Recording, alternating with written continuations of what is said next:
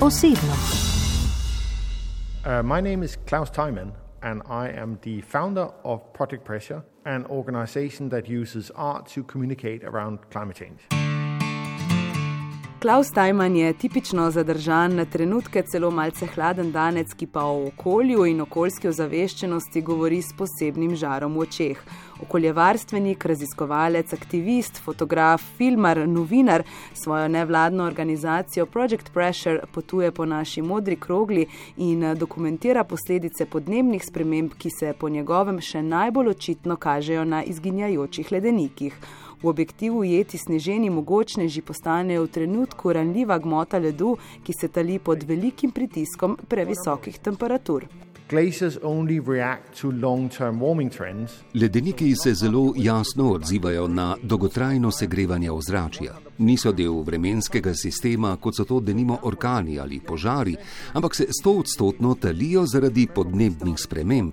Ko gledamo krčenje ledenikov, je to jasno sporočilo, kaj se dogaja z našim planetom.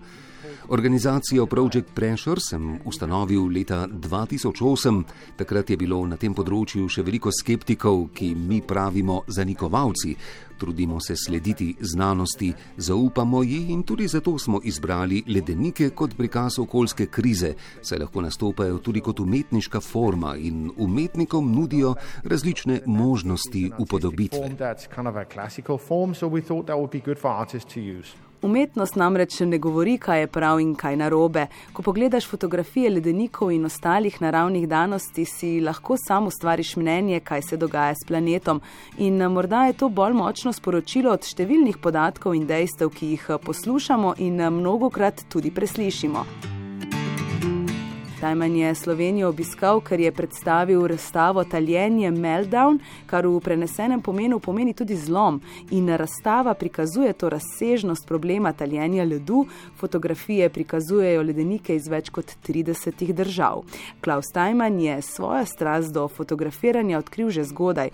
Prvi fotoaparat je prejel pri 14 letih, torej pred več kot 30 leti, ko o krizi še skoraj ni bilo govora, kaj šele zavedanja o njej. I've seen there's a, there's a boat tour around the, the, the river. Tu v Ljubljani sem videl, da ponujajo izlete po reki. Tudi na Danskem imamo turistične izlete po kanalih okrog Kebenhavna. Jaz sem pri 14 letih začel fotografirati turiste, delati sem začel že zelo mlad. Vedno sem si želel postati novinar. Ko sem bil na točki, ali bom šel študirati ali ne, sem se odločil, da bom raje služil denar s fotografijami. Zato sem tako nadaljeval, potem sem ustanovil organizacijo Project Pressure. Leta 2010 sem dobil otroka in ker sem večni optimist, sem si rekel, Otroci veliko spijo, imel bom veliko časa, zato sem se upisal na študij okoljskih znanosti in diplomiral, ko je bila hčerka še majhna. Uh,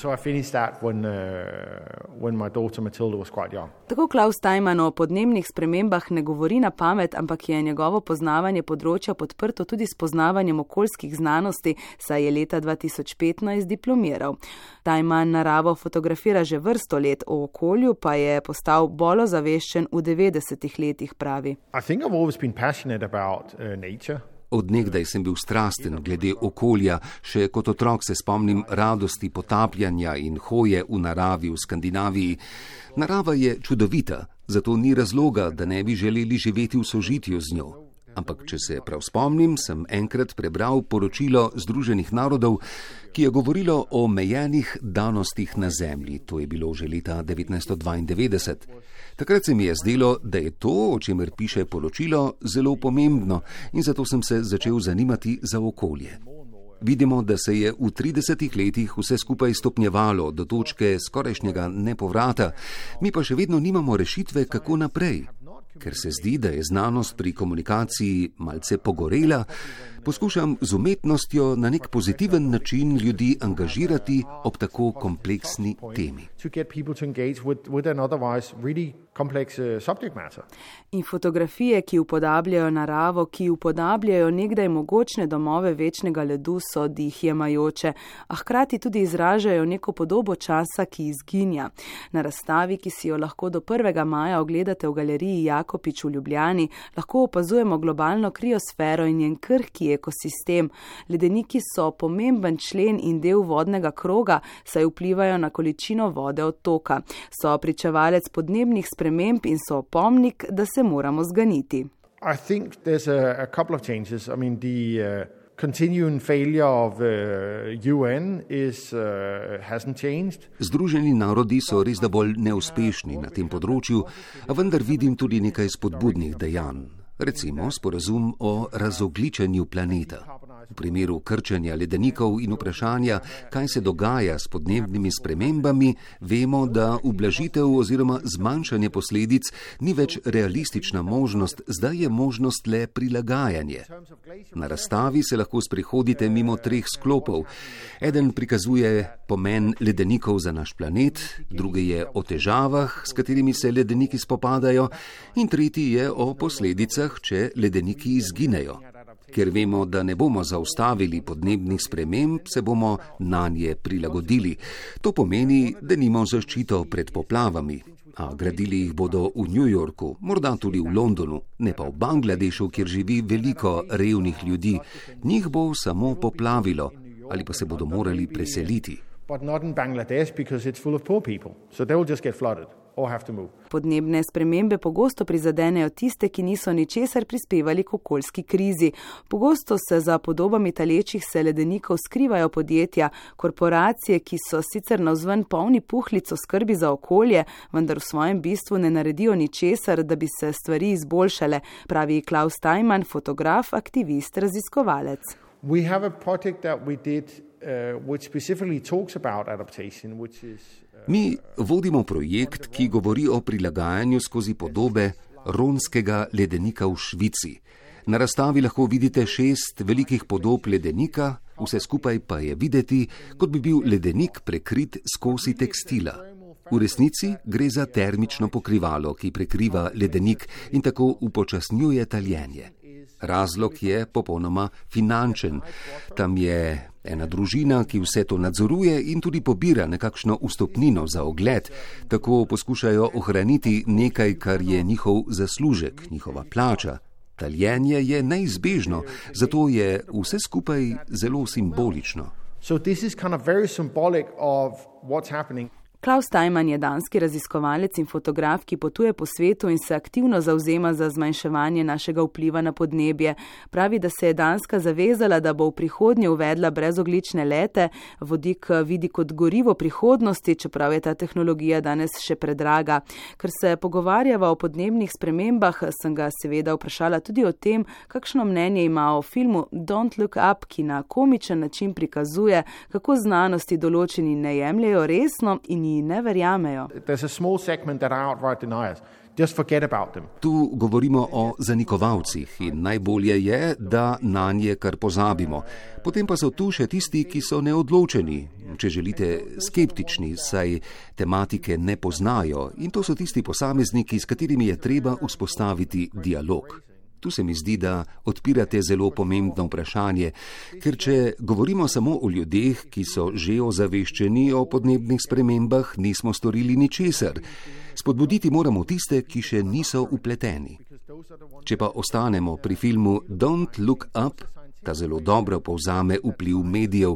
Znanost pogosto ni znala komunicirati, mediji pa so za voljo uravnoteženosti namenili enako število minut programa znanstvenikom in zanikovalcem, kljub temu, da je zadnjih le en odstotek, dobili pa so 50 odstotkov vsega časa za širitev svojih teorij. To je bila katastrofalna napaka.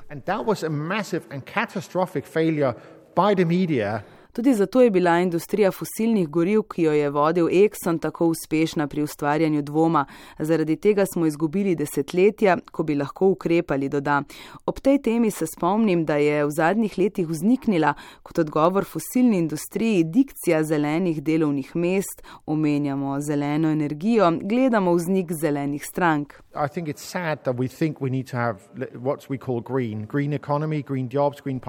Nekaj je narobe, če mislimo, da moramo imeti zeleno stranko. Zelena delovna mesta, zelena ekonomija, zelena stranka.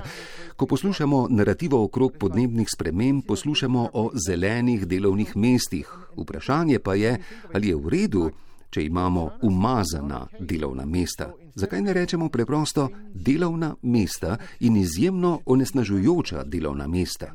Imamo podjetja, ki delajo dobro, in imamo podjetja, ki onesnažujejo. Tu pa, kot bi želeli govoriti, da so zelena mesta izjema in da je tudi tisto podjetje, ki onesnažuje že nešteto let, v redu. Ni v redu. In tu je odgovor na vaše vprašanje. Staro sranje mora oditi in to hitro. The, the, the old shit needs to go and it needs to go fast. Aktivist in okoljevarstvenik Klaus Tajman zaradi dela veliko potuje, kar pa ne vpliva na njegovo družino. Vse se dogaja zelo organsko, hčerka razume njegovo poslanstvo, pravi. Yeah, I mean, she actually thinks this project is really cool. Hčerka misli, da delam pri zelo dobrem projektu in verjamem ji, saj je to zelo kritična publika, ona je prihodnost. Ko nisem na ekspedicijah, imam veliko časa, ki ga lahko uporabim za druženje s hčerko. I mean, when, I, when I'm not uh, on expeditions, I have a lot of time that I can allocate myself and decide what I want to do with. Omenim mu, da sem poslušala njegov audio dnevnik, ko je hodil na ledenik Renzori v Ugandi. Ta ledenik tam stoji že 15 tisoč let, zdaj pa izginja. Prvič je Tajman začel ledenik dokumentirati leta 2012, leta 2020 se je tja vrnil in opazil, da ledenika ob ekvatorju na 5000 metrih nadmorske višine skoraj da ni več. Ledeniki so na vsakem kontinentu, zato lahko na razstavi opazujemo ledenike z vsega sveta.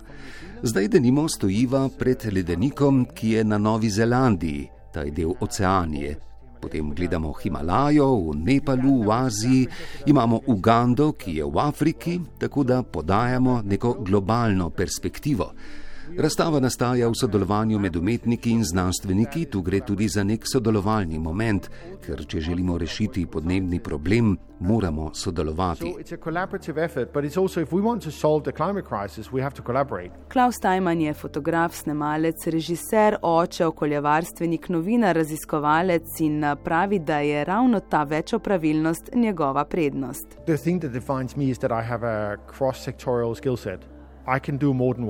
Opredeljuje me to, da sem zmožen početi več stvari hkrati. Znanost potrebuje komunikacijo, novinarstvo mora pripovedovati zgodbo okolja. Jaz sem tudi aktivist, rad bi videl spremembe, zato iščem spremembe. Ob tem bi se lahko vprašali, ali aktivizem sovpada z novinarsko integriteto, ampak moje mnenje je, da je prav, da imaš stališče in ga tudi izraziš. Novinarstvo nikoli ni bilo neutralno. So journalism was never neutral. And I think that's, uh, that's okay. O njegovem delu je pisal BBC, CNN, Guardian, National Geographic, Rolling Stone, The New York Times, sodeloval je z NASA, fotografira s fotoaparati Hasselblad, s katerimi fotografirajo tudi v vesolju. Uh, vesolje sicer ni v njegovih prihodnih načrtih, saj je na Zemlji toliko fantastičnih in neodkritih delčkov, ki jih želi Klaus Tajman dokumentirati v prihodnje.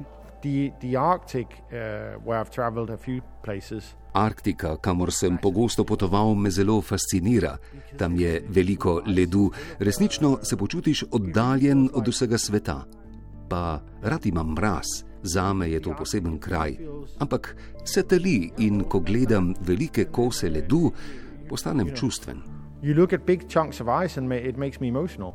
Zdaj razmišljam, da bi šel na ekspedicijo v Mehiko ali Ekvador.